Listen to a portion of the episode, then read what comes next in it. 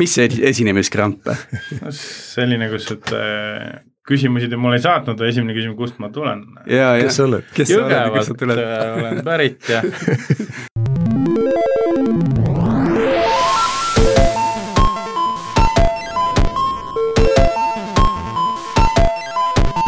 tere tulemast kuulama Algorütmi podcasti, täna on üheksas jaanuar ja kuulad ka ühtlasi Algorütmi üheksandat episoodi. Mina olen Tiit Paananen, minuga koos stuudios on Sergei Anikin Pipedrive'ist ja meie külaline Priit Kaasik Katana MRP-st. tervist, väga tore olla siin. Nüüd on meil kaks tuhat üheksateist kokku võetud ja kakskümmend kakskümmend käima lükatud, et äh, lähmegi kohe edasi äh, järgmiste arendajaid huvitavate teemadega. Ja eh, tuletan veel meelde, et meiega saab ühendust aadressi algoritm geenius.ee ja äh, aitäh neile, kes on meile juba kirjutanud ja teistele samuti, kes meid kuulavad, eh, kindlasti subscribe ige ja andke meile teada oma soovidest, et millest me võiksime veel rääkida. aga Sergei, millest me täna räägime? täna on meil väga põnev teema, kõik on ilmselt vaimustuses cloud tehnoloogiatest, aga ilmselt vähesed teavad, et neid cloud tehnoloogiaid jagatakse kahte äh, ossa, et äh, ühed on need, kes pakuvad äh, sellist puhast algtasemel kontseptsioone nagu compute ehk arvutusvõimsus, storage ehk salvestusmeediaid, noh ja ka võrgundust loomulikult. ja on ka teise taseme provider'id, kes pakuvad selle esimese taseme provider'ite abil nii-öelda arendajatele oluliselt mugavamat äh, kogemust.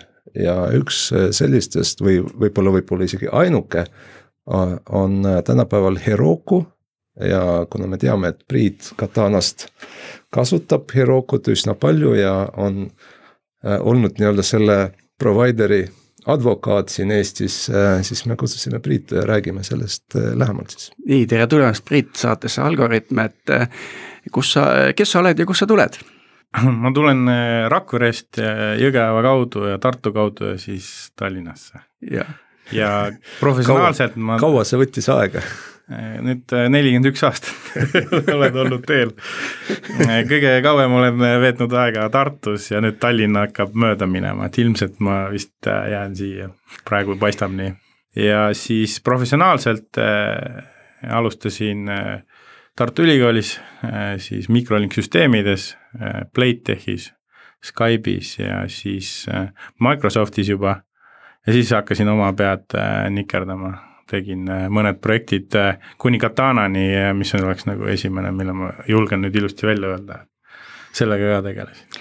ja Katana sai alguse mõned aastad tagasi juba? jah, kaks tuhat kuusteist lõpupoole.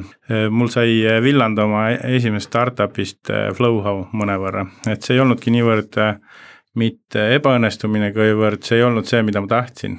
et eh, ma tahtsin teha SaaS-i toodet, aga tundus, et tuleb konsultatsioonifirma jälle.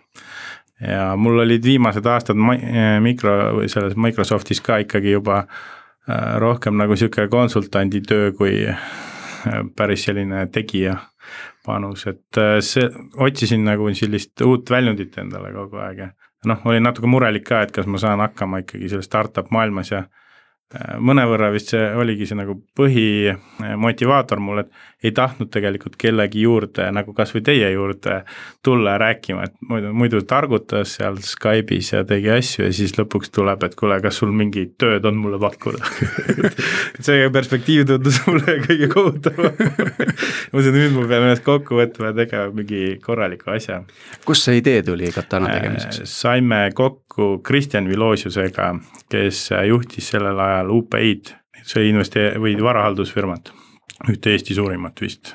tal oli portfellis äh, tootmisettevõtteid, äh, millel olid mingi äh, infosüsteemidega probleemid ja siis ta ütles, et kuule, ära mine veel tagasi tööle, et teeme koos midagi.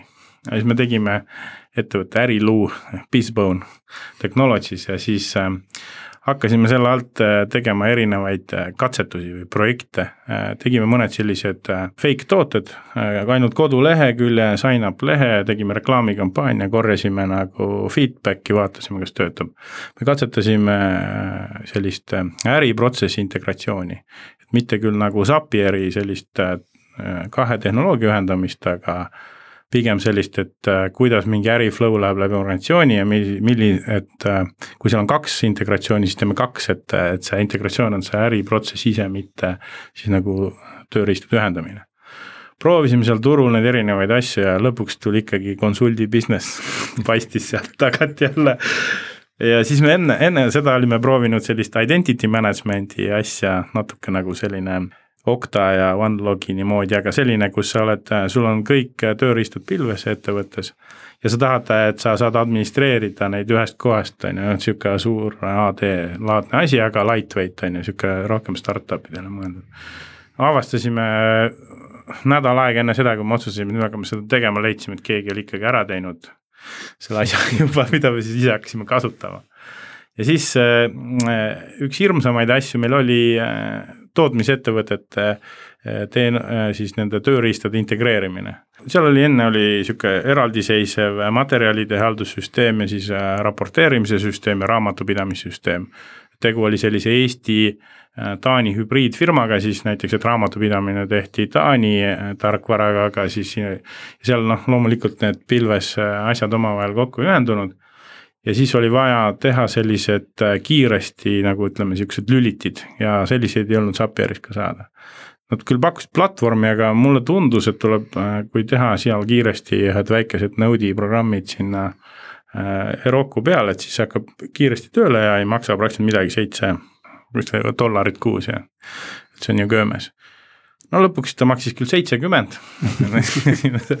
Aga tegi oma töö ära, päris palju asju tegi ära, ta e-commerce'ist pumpas andmeid sisse, transformeeris neid äh, raporteerimiseks ja lükkas andmelattu edasi, siis ühendas veel arvete genereerimise ja üks raamat, päris palju, ütleme kokku tegi niisugust kaheksa äriprotsessi äh, nagu ühendamist. seitsmekümne euro eest kuus või selle dollari eest kuus siis ja see on tegelikult ehe näide sellest, et äh, startup'id tihti saavad alguse nagu oma vajadusest ja siis saad aru, et oi, et see on tegelikult suht universaalne vajadus. ja, ja, ja siis lükati Katanaga käima.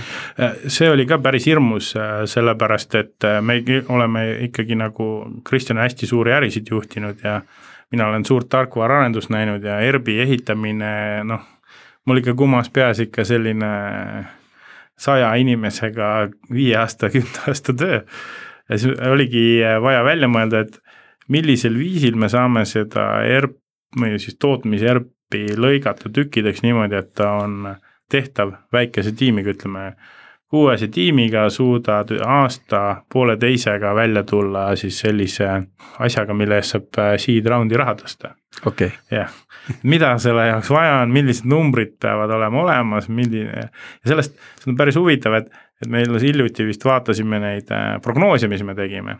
et need numbrilised suurusjärgud on kõik samad, aga see teekond, kuidas me sinna jõudsime, ei, ei kattu nagu üldse. ei kattu plaaniga, jah? ja, ja tulemused vähemalt klappisid, et selles mõttes oli õige, et näiteks, et äh, teadsime, et me ei suuda kõiki faktuure teha, mis nagu selleks vaja on, aga et mis on kõige lihtsam äh, tootja profiil tänapäeva maailmas, kellel on hästi vähe vaja, aga on probleemid sellised hästi elementaarsed, raamatupidamise arveid ei saa kätte kuskilt äh, tellimusi, tellimustest näiteks või midagi sellist. ja siis äh, vaatasime, et tegelikult kolme arendajaga, siis ma ise arvasin äh, oma naiivsuses, olles viimati aastal kaks tuhat viis kirjutanud koodi, et ma võin ju ise ka arendada, ma tegin siin need skriptid nende asjade ühendamiseks, et kui raske see saab Äh, minu arust mingisugusel meie äh, endiste Skyperite kogunemisel mul õnnestus rääkida Tanel Hiirega, kes julgustas mind, et noh, see pole üldse mingi probleem, et paar nädalat natuke on raske, aga siis hakkab kohe tulema jälle meelde kõik. ma ütlesin okei okay., aga lõppkokkuvõttes ikkagi on nii, et äh, ma ise liikusin pigem selliseks DevOpsi laadseks tegelaseks, ehk siis asendama seda, mida nagu siis, et isegi kui sa võtad sellise platvormi nagu Heroku, sa päris lahti ei saa sellisest, äh, sa teed, keegi peab administreerima neid süsteeme ikkagi, ta küll teeb selle töö ära, mida muidu teevad DevOpsid ja administraatorid, aga keegi peab need äh, jupid kokku panema, ära testima, siis sinna ümber kirjutama sellise kuidas öelda, toetava kihi inimestele, et nad niimoodi need asjad käivad, et mm -hmm koodi paneme siia, siit me ehitame, kood lükatakse edasi, et mm -hmm. tekiks selline, kuidas nii-öelda noh. ma ütleks, et. protsessimehe elu ar. arvamusliider. jah, ma, eh, mul õnnestus, ma avastasin sihuke asi, et, et see kanvase, valge kanvase omamine ja siis selline väike naiivsus, et need mõnes mõttes tulevad kasuks inseneeringu juhtimisel.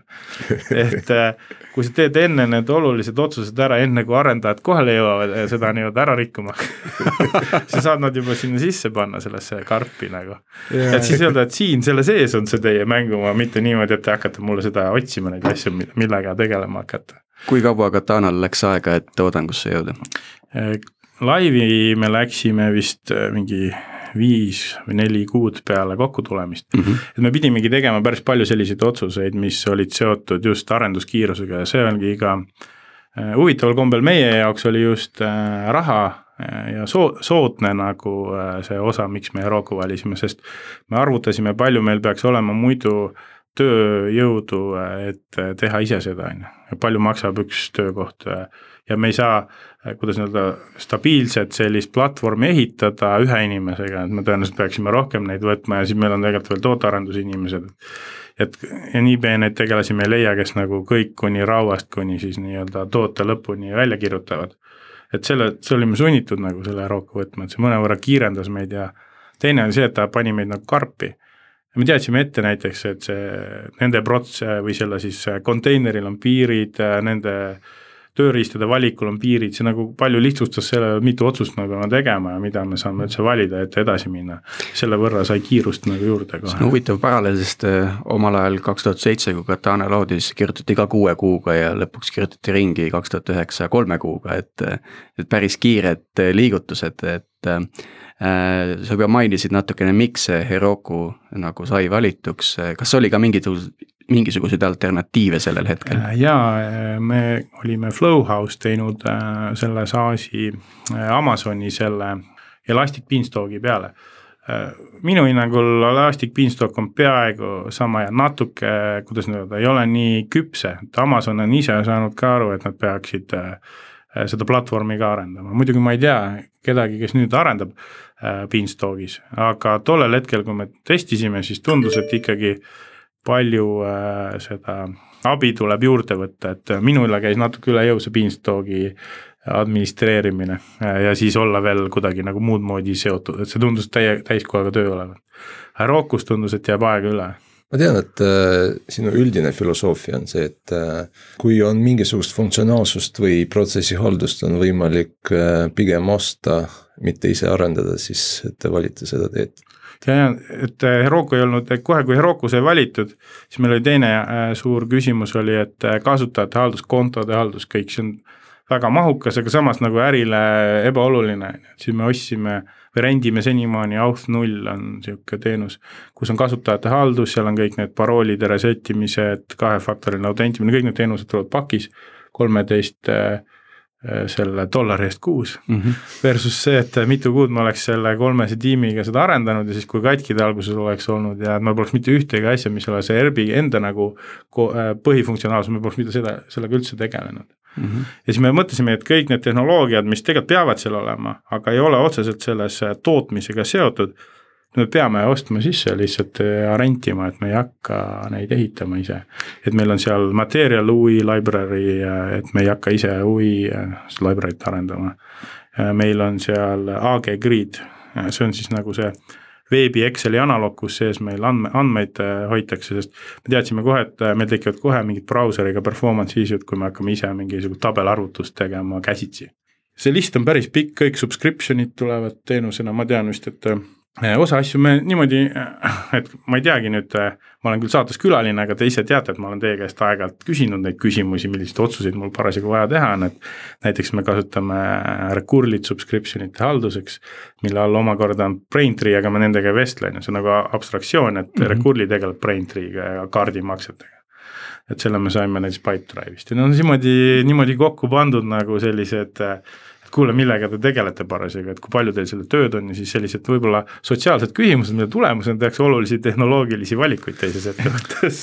Ja, ja ma arvan, et äh, see on ka meie saate mõte, et äh, me korjame kõik need head mõtted ja küsimused, küsime ja loodame, et ülejäänud inimesed äh, Eestis võtavad need arvesse jah, et hea, hea põhimõte, mida sina ka siin toonitasid, on see, et eh, enne kui hakkad midagi ehitama, siis peaks korraks natuke guugeldama, et kas äkki see on juba teenusena kuskilt olemas, mille mõne dollariga saab osta per kuu.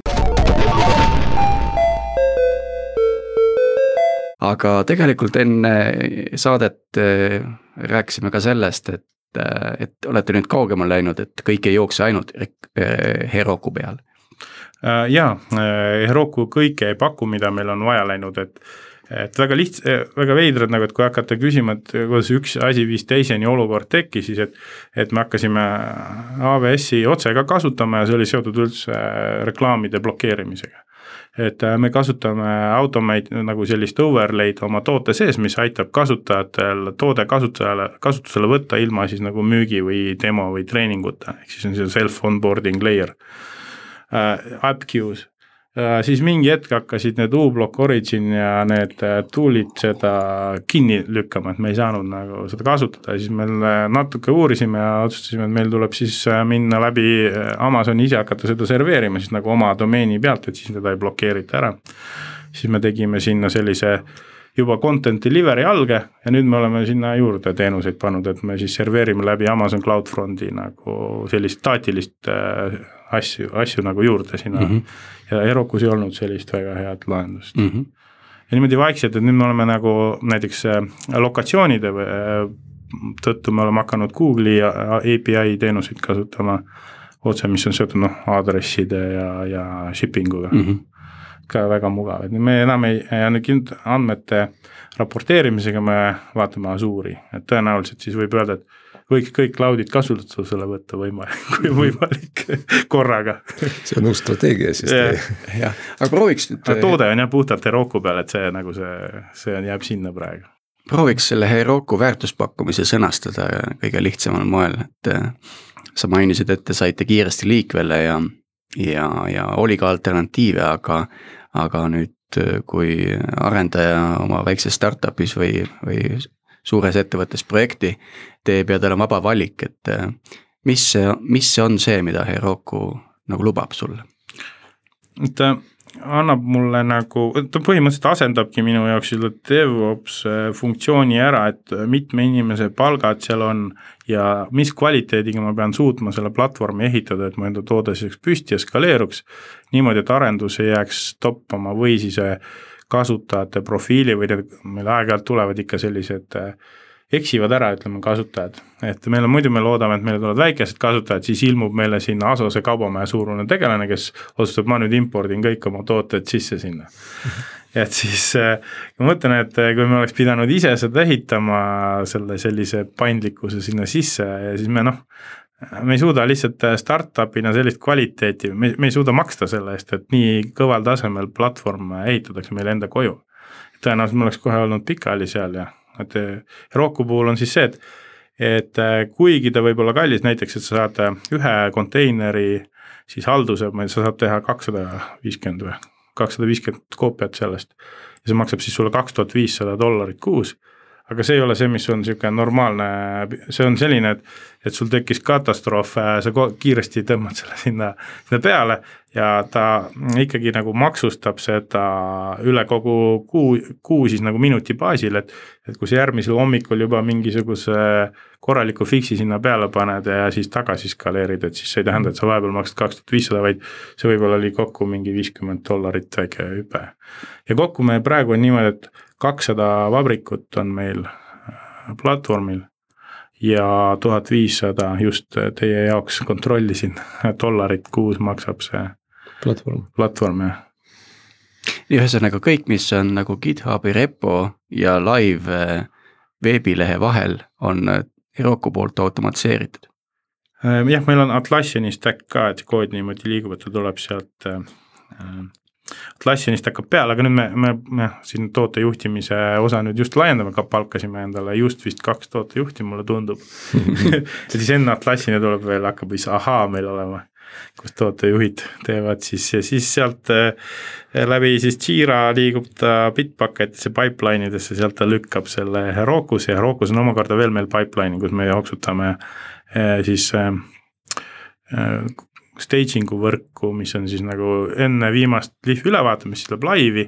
Ja laivi äh, deployment ei tähenda siis seda, et äh, kasutajad saavad nüüd uue funktsionaalsuse, vaid meil on siis tarkvara veel selle otsas äh, launch darkly, mis siis on feature flag'i tarkvara siis, millest tegelikult siis tootejuht saab ise otsustada, kuidas ta siis selle kättesaadavaks teeb. Ja siis on taiminguga ka kõik korras, et muidu tekib selline vahel veider olukord, et ära siis planeeri seda nii, et, et see ärireliis ei ole seotud sellega, millal äh, engineering tiim on selle sinna valmis pannud, et see on siis see koht, kus sa ise vajutad äh, intercom'is nuppu, et äh, announcements go, go ja siis nüüd kasutajad, tulge, tulge. Aga arendaja siis, iga arendaja ise otsustab, millal ta oma koodi laivi paneb? ja meil päevas ütleme, on niisugune kakskümmend live reliisi kuni null, näiteks eile oli mingil põhjusel null veel imestasin selle üle, arvasin, et äkki on eh, mingi viirus tulnud majja või midagi. kõik arendajad on haiged. Jah, aga ma üritan äh, seda ikka lihvida seal, noh, see vanad harjumused on visalt kaduma, see agility osa on mul ikka südamelähedane, et siis me lõikame nii peeneks asjad kui võimalik, vahel ka liiga peeneks, et me siin praegu on filtrite äh, meeldejätmise featuur minemas, et siis äh, oleks võinud teha viis story't, aga tegime kakskümmend, et siin natuke on nagu ilmselt kui ma poleks sekkunud, oleks viis olnud. Pärast on väga raske seletada, et okei okay,, kustutame siis need ära. Sa nagu oled tihti juba maininud seda, et, et kasutamine on tõesti odav ja, ja selle skaleerumise üles ja alla tõmbamine on nagu hästi nii-öelda responsive. ja, ja kulud ka sellega on hästi kontrollitavad, samas kui ma läksin Heroku lehele ja vaatasin pricing ut, siis mul läks silme eest nii kirjuks, et mulle tundus, et ma pean mingi kalkulaatori tegema umbes, et aru saada oma rakenduse kontekstist ja selle kaasnevatest kuludest see võib tõesti nii olla jah, äh, meie nagu, kuna me nagu nii-öelda äh, esimene pett oli see, et niikuinii võib-olla me peame sellest loobuma ja kui me kasvame gradually siis nagu või nagu sammhaaval, et siis meil väga ei ole vaja alguses muretseda selle üle. aga lisaks meil oli mõned äh, otsused, mis aitasid nagu seda kontrolli all hoida, seda kasvu, oli see, et multitenant Äh, arhitektuur, et meil on, äh, kõik jookseb ühes kohas koos, seal on muidugi omad riskid jälle, et üks kasutaja võib teiste kasutajate performance'id mõjutada, kui meil on halvasti tehtud mingid asjad.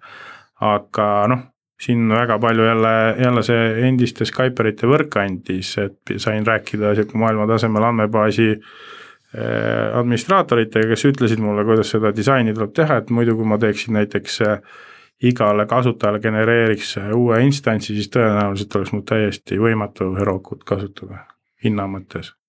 et see tähendaks siis, et kaks tuhat või tuhat viissada per customer oleks mul see kost, kui ma niimoodi läheksin, on ju, no mhm. liialdatuna mm, -hmm. aga, aga et no see on, see, see on see näide just Pipedrive'ist, kus meil igal kasutajal on, ongi oma andmebaas ja ja see on ka üks põhjus, miks me ei saa avalikku pilve kasutada, sest avalikus pilves äh, selline nii-öelda arhitektuur lihtsalt tähendaks olulist äh, kas-. Äh, kulude kasvu, just. ja meil siin äh, alguses meil oli ka sihuke hirm, et äkki kuidagi, kuidas nüüd on, et GDPR-id ja turvanõuded saavad saatuslikuks sellele disainile, aga me oleme suutnud nüüd järk-järgult, kuidas nii-öelda turvalisemaks muuta, et me oleme hakanud ise krüpteerima siis neid välja ja sisse tulevaid asju ja tänu sellele, et et näiteks kasutaja andmebaas on teises süsteemis ja nii edasi, et siis tegelikult sul tuleb sisse murda nagu paljudesse süsteemidesse, et, et sa üldse aru saaksid, kuidas need andmed omavahel seotud on, et sulle, et sa saaksid neid kasutada. et mõnevõrra on see nagu ka security through obscurity, aga äh, see negatiivne pool meile, mis nüüd on hakanud avalduma, on see, et kui ma alguses rääkisin, et, et meie suurusjärgud, kuidas me kasvame, on õiged, aga teekond, kuidas me kasvame, osutus hoopis teistsuguseks või plaan teiseks, et siis me arvasime, et meil tuleb viiskümmend tuhat kasutajat, kes on nagu siuksed mikrokasutajad, aga tegelikult meil peaks tulema umbes viissada sihukest SMB-d või small medium business suurus.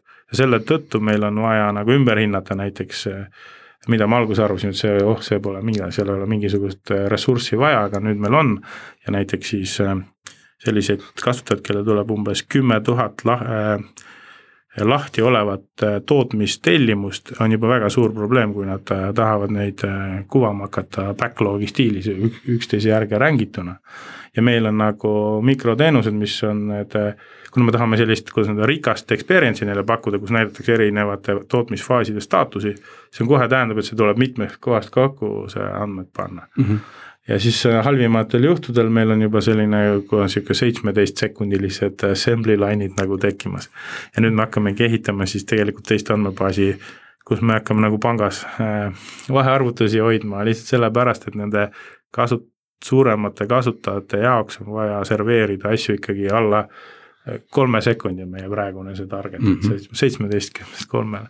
Neid on õnneks meil praegu ainult on ju mingi üks-kaks, aga et me näeme, et kui me paremini läheb, et siis neid tuleb juurde ja siis me peame selle ära lahendama ruttu mm. -hmm aga andmebaasi teenuste kasutate ka Heroku? jaa, Heroku Postgred, et äh, kõige suurem kvaliteedihüpe meile tuli äh, siis, kui me läksime just selle premium tier'i peale, et kus on high availability sees, et siis nad ise upgrade ivad ilma downtime'ita seda teenust ja, ja kui sul on siis kõik tooted äh,, kuidas nüüd öelda, neil on selline linkimisvõimalused selle jagatud andmebaasi puhul, et siis ka nagu need andmebaasist ringid ja need väärtused säilivad, et sa ei pea ise nagu ühtegi liigutust tegema, kui nad mm., saad valida kellaajaliselt, millal see switch sul toimub ja siis nad teevad selle ära.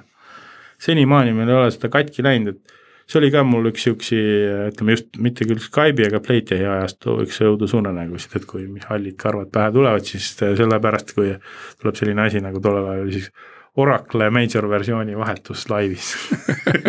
Meil just äh, seoses sellega Pipedrive'ist jällegi üks äh, huvitav lugu, et nüüd riigid otsustasid, mõned riigid äh, otsustasid seda suve aega mitte enam kasutada, nagu näiteks Brasiil, kus meil on hästi palju kliente.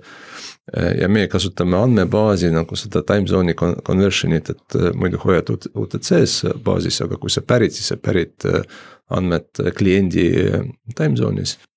Ja MySQL nõuab restarti selleks, et võtta arvesse need muudatused. ja meil on neid sada tuhat äh, andmebaasi, mis tähendab meie andmebaasi administraatoritele päris palju tööd. et see on üks näide, kus sihuke hosted äh, lahendus sobib paremini aga läheks nüüd natukene Heroku kõhu sisse, et, et ma saan aru, et Heroku ise jookseb ka Amazoni peal jah, see vist oli selline, kuidas nüüd, ma, ma isegi ei tea, mis nende see elu mõte oli enne, kui äh, Salesforce nad ära ostis, kaks tuhat kümme vist.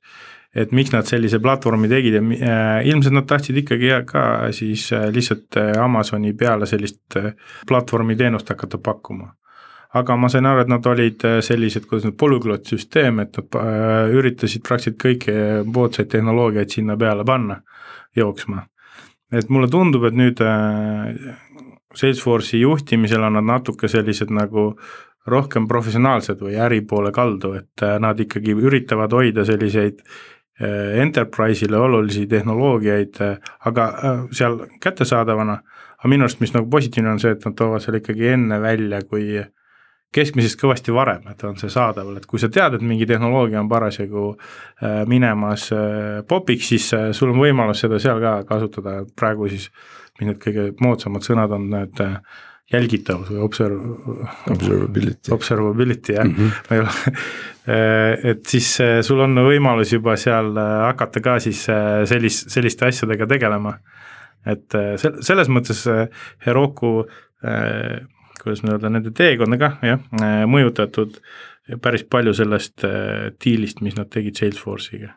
Ja see ka meile andis nagu julgust, et, et kui, kuigi see Node.js on ka selline, kuidas nüüd öelda, enterprise maailmas äh, tundub mitte väga tõsiseltvõetav tehnoloogia, siis tänu sellele, et seal on Facebook ja, ja IBM, me kasutame IBM-i back-end'i framework'i Loopback, andmemudelite süsteem et kuna need äh, seal, need annavad sulle lisajulgust, et need tehnoloogiad ei kao niimoodi müstiliselt ära sealt, kui need oleks sellised harrastusprogrammeerijate jupid, et mm -hmm. tänu sellele, et Heroku on suutnud nad sinna äh, enda külge saada ja tänu sellele, et ta toetab siis just neid tehnoloogiaid ja siis laiendab näiteks kas või Node või nüüd uued asjad, mis seal on Go ja Kotlin jah. Kotlin. jah mm, -hmm. Need on juba sinna kõik kohale toodud nii et põhimõtteliselt keelepiirangut ei ole, et äh, su suvalised teenused ka äh, saavad joosta? jah, nad ise küll ütlevad, et nad on teinud sinna selle toe, aga on päris selge näiteks, et kui sa tahad mikroteenuste arhitektuuri äh, korralikult teha, et siis Javalt ei ole mõtet kasutada mm. -hmm. see Java lihtsalt kurnab need konteinerid juba ainuüksi oma selle kohaloluga nii ära, et sinna mm -hmm. seda funktsionaalsuse osa jaoks jääb väga vähe ruumi mm. -hmm.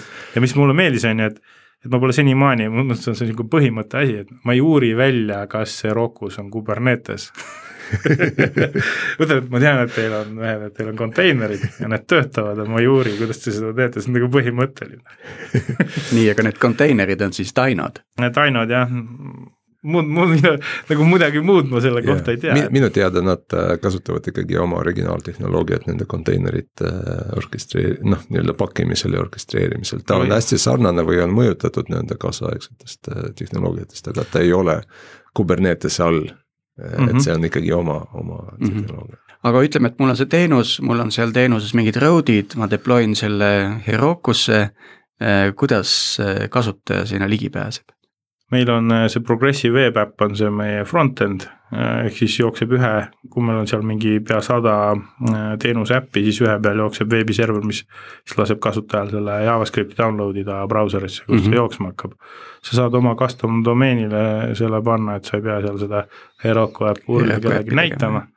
Herokul on, kuidas öelda siis võimalus ka oma SSL CERT-e ehk siis sellist secure serverit jooksutada, mis siis omakorda siis kui sa oled selle wildcard'i CERT-i endale äh, soetanud, et siis sa saad tõsta ka kõik oma siis kogu selle äh, võrgu sinna peale, kuna meie maksame nii vähe raha, ma saan aru, et kuskil kümne tuhande äh, dollari eest kuus sind võetakse siis sellisesse Äh, privaat nii-öelda nagu privaatpanganduse kliendiks et siis sul on võimalus saada äh, mõned sellised äh, võrgu, võrgufeatuurid ka, meil on näiteks niimoodi, et iga teenus on otse access itav, et meil ei ole nagu sellist peidetud nagu no kuidas nagu, et. et sisemist back-end'i ole, ei ole, et, kõik, on access itavad, aga on ka ruutimislayer Hiroku poolt pakutav. jah, et me oleme, me senimaani sellega probleeme ei ole tulnud, me mõtlesime, et äkki selleks ajaks, kui me oleme nii edukad, et meil võivad need probleemid tekkida, ehk sihuke huvi hakkab tekkima väljaspoolt. siis me oleme ka juba nii suured, et me oleme seal privaatpanganduses äh,.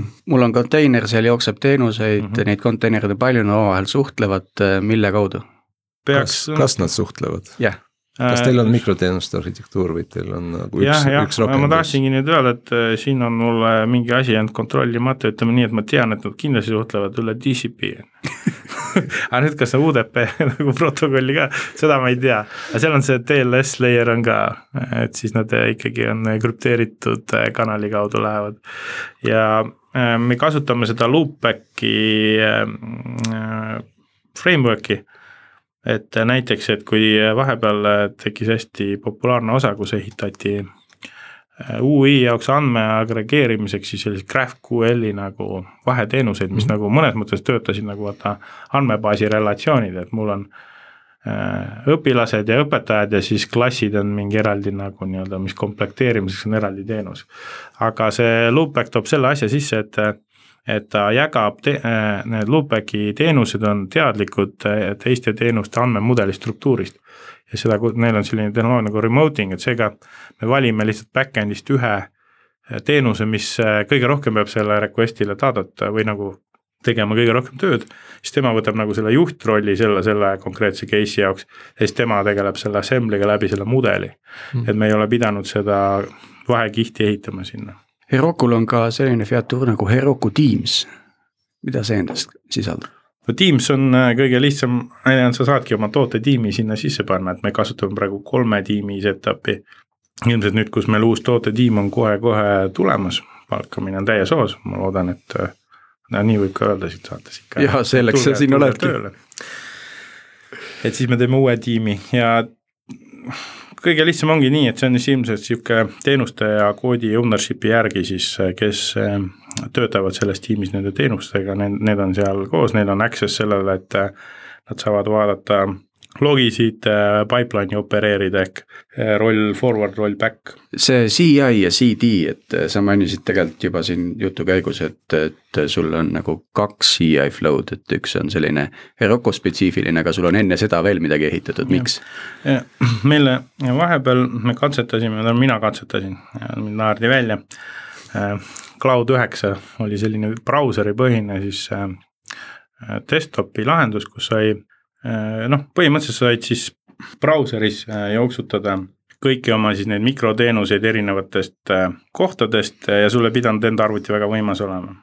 aga kuna meil on full stack arendus ja siis see Reacti pool on hästi nõrk selle brauseri põhisel IDE-l, et kõik tahtsid meil firmas kasutada hoopis seda WebStormi JavaScripti laiendust ja siis nad ise tulid selle peale, et tuleb Docker ikkagi majja võtta ja siis meil ongi Docker, mis on siis arendaja masinas siis selle keskkonna ülespanekuks ja seal on siis esimene tsükkel.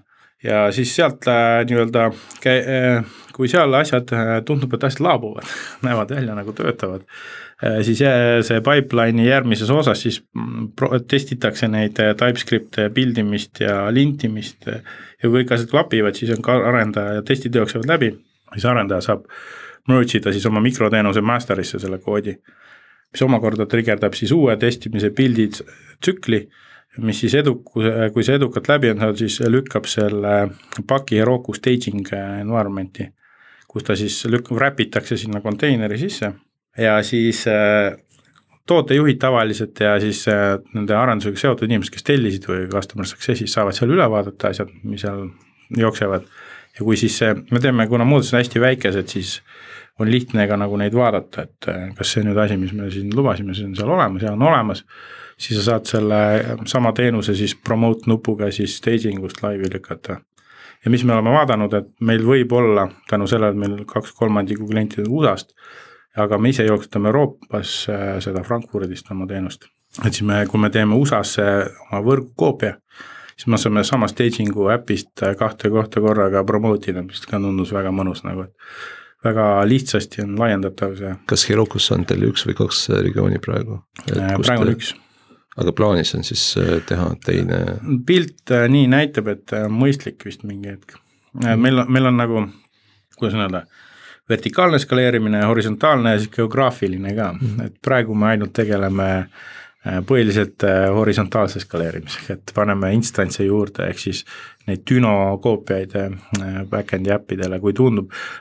üks huvitav asi, mida Roku toetab, mis mulle väga meeldib seal, on see, et sa saad selle Düno eriotstarbelisteks protsessideks laiali lõhkuda mm.. et näiteks, et sul on siis veebiserveriga ots, kust äh, need REST API päringud tulevad, aga sul on näiteks vaja mingisuguseid arvutusmahukaid äh, äh, asju, mis aega võtavad, kuskil jooksutada, ehk siis nagu job'i moodi asju, ja sa ei taha, et see, kes request'is seda, ripuks sul seal selle äh, Äh, veebiserveri otsas, et siis sa saad teha niimoodi, et küsida pileti, mis öeldakse, vastab sulle kohe, et okei okay,, sain kätte sinu request'i.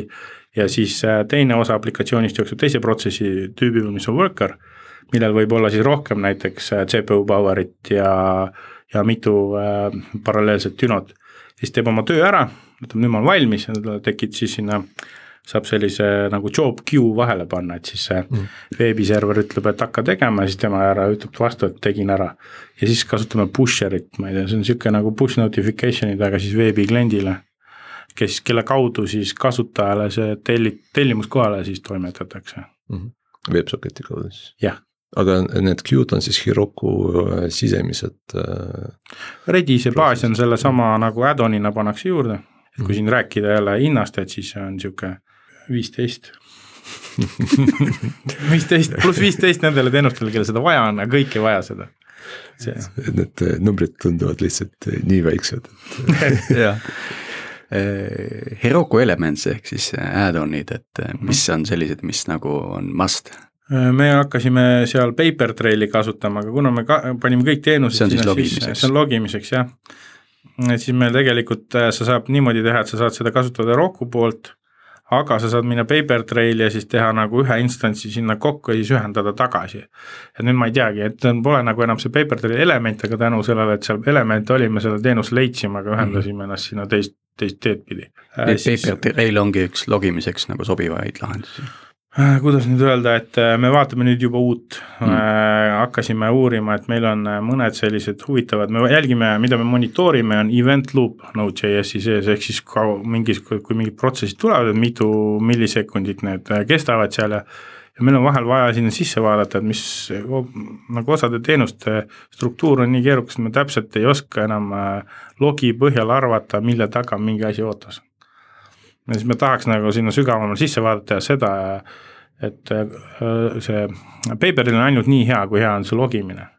aga ta seda äpi sees nagu seda, neid protsesse ei, ei näe, et siis me siin nüüd äh, run ime New Relic'u ja siis äh, heade endiste kolleegi soovitusel ka Datadogi väikest pilooti, et vaadelda, kumb on mõnusam kasutada ja ma ei teagi, siis Redis on ka, mida Heroku ise pakub, et Postgres ja Redis on nagu kõige popimad meil äppide juures. ma nägin, Kafka on ka seal pakkumises, et sealt ei ole kaalu. meie võtsime, võtsime Rabbiti, see teeb, ma ei tea, kas neil on vist, ühesõnaga meil äh,, ma saan aru, et Kafka on nagu selline, kuidas nüüd öelda, selline professionaalsem vahend aga meil ei ole sellist use case'i veel tekkinud, kus me oleme hädas Rabbitiga, ütleme siis nii, ja siis me pole seda, me teame, et ta seda pakub, aga me pole seda vaadanud. üks huvitav äh, avastus, mis ma tegin Herokut guugeldades, oli see, et tegelikult on äh, ta olnud uudis, uudistes päris mitu korda sellepärast, et äh, petuskeemide host ijad on leidnud Heroku kui hea viisi nagu kiirelt midagi käima panna ja kohe siis ära tappa, et. et noh, see on. mis, miks, miks just Heroku selleks on sobiv olnud? Ei tea, see võib olla hoopis see äh, meie selle meediateene, vaata nad väga tihti äh, arvavad ka, et startup'id on petuskeemid täpselt, võtavad raha investoritelt. sealt on ka need pätid seda lugenud, huvitav, et mida need startup'id kasutavad, et ahah, Eurokut et teeme siis ka seal ei, ma ei tea tegelikult. Self-enforcing või reinforcing. et siin nüüd tekib küsimus, et kes vastutab, et kas Euroopa vastutab, et neil on väga hea teenus, millega saab ruttu mingeid asju teha mm. ja et seal ei ole rahapesu äh, kontrollikomisjoni. et me siin äh, investeeringute käigus, et äh, kuidas Eesti Panka tänapäeval välismaal on arve või selle arve saab avada, et see on nagu nii keeruline ei ole see Roku sign-up ja asjade käimapanek. just, aga kas on nüüd alates sellest, kui sa Rokuga nagu rohkem tuttavaks said, tekkinud ka mingisuguseid alternatiive sinna kõrvale?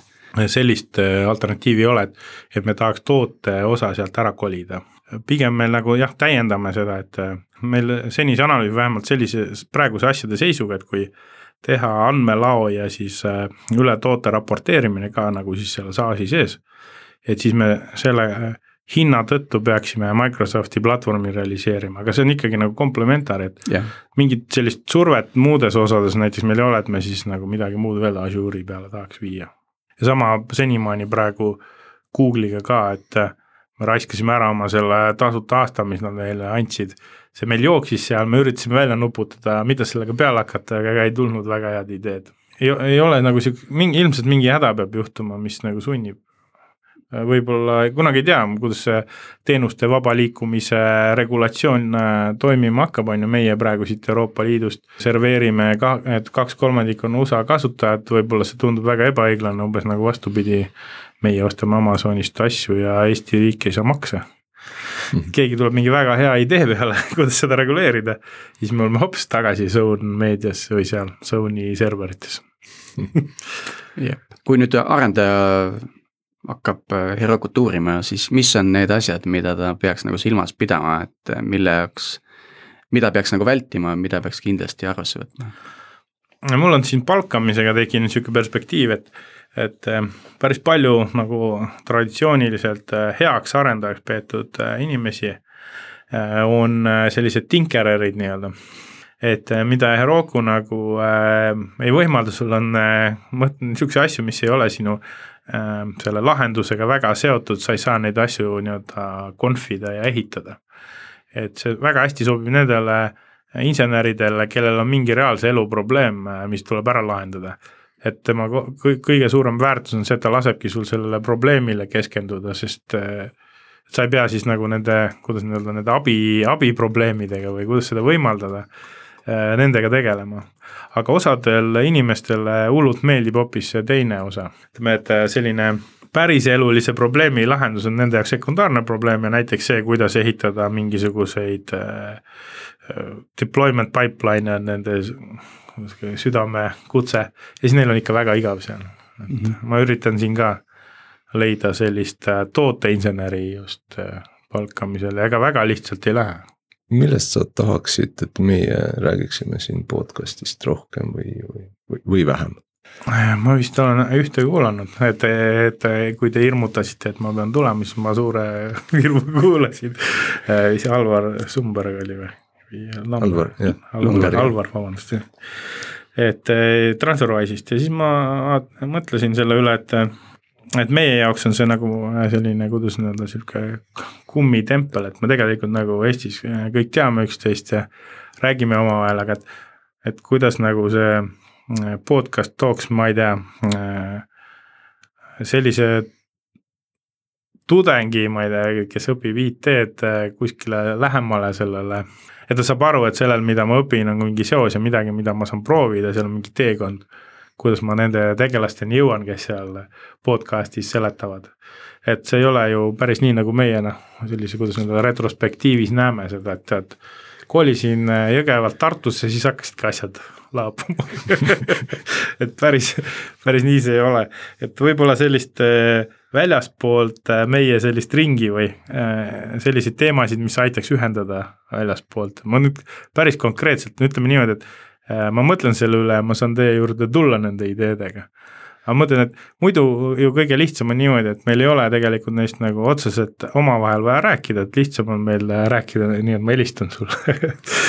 Aga et noh, võib-olla see talletamise osa, aga ma ei kujuta ette, kes neid pärast uuesti üle kuulama hakkab jah, teadupärast äh, aasta pärast see enam-vähem kõik, mis me oleme siin rääkinud, ei pruugi enam paika pidada, sest areng on olnud nii kiire. Okei okay,, aga aitäh, Priit, äh, stuudiosse tulemast, aitäh, Sergei, see saade oli siis Herokust äh, ja järgmine kord juba järgmisel nädalal. Ja ärge unustage siis meile saata ideid, kes on huvitatud ise tulema, andke märku, algoritm at geenius.ee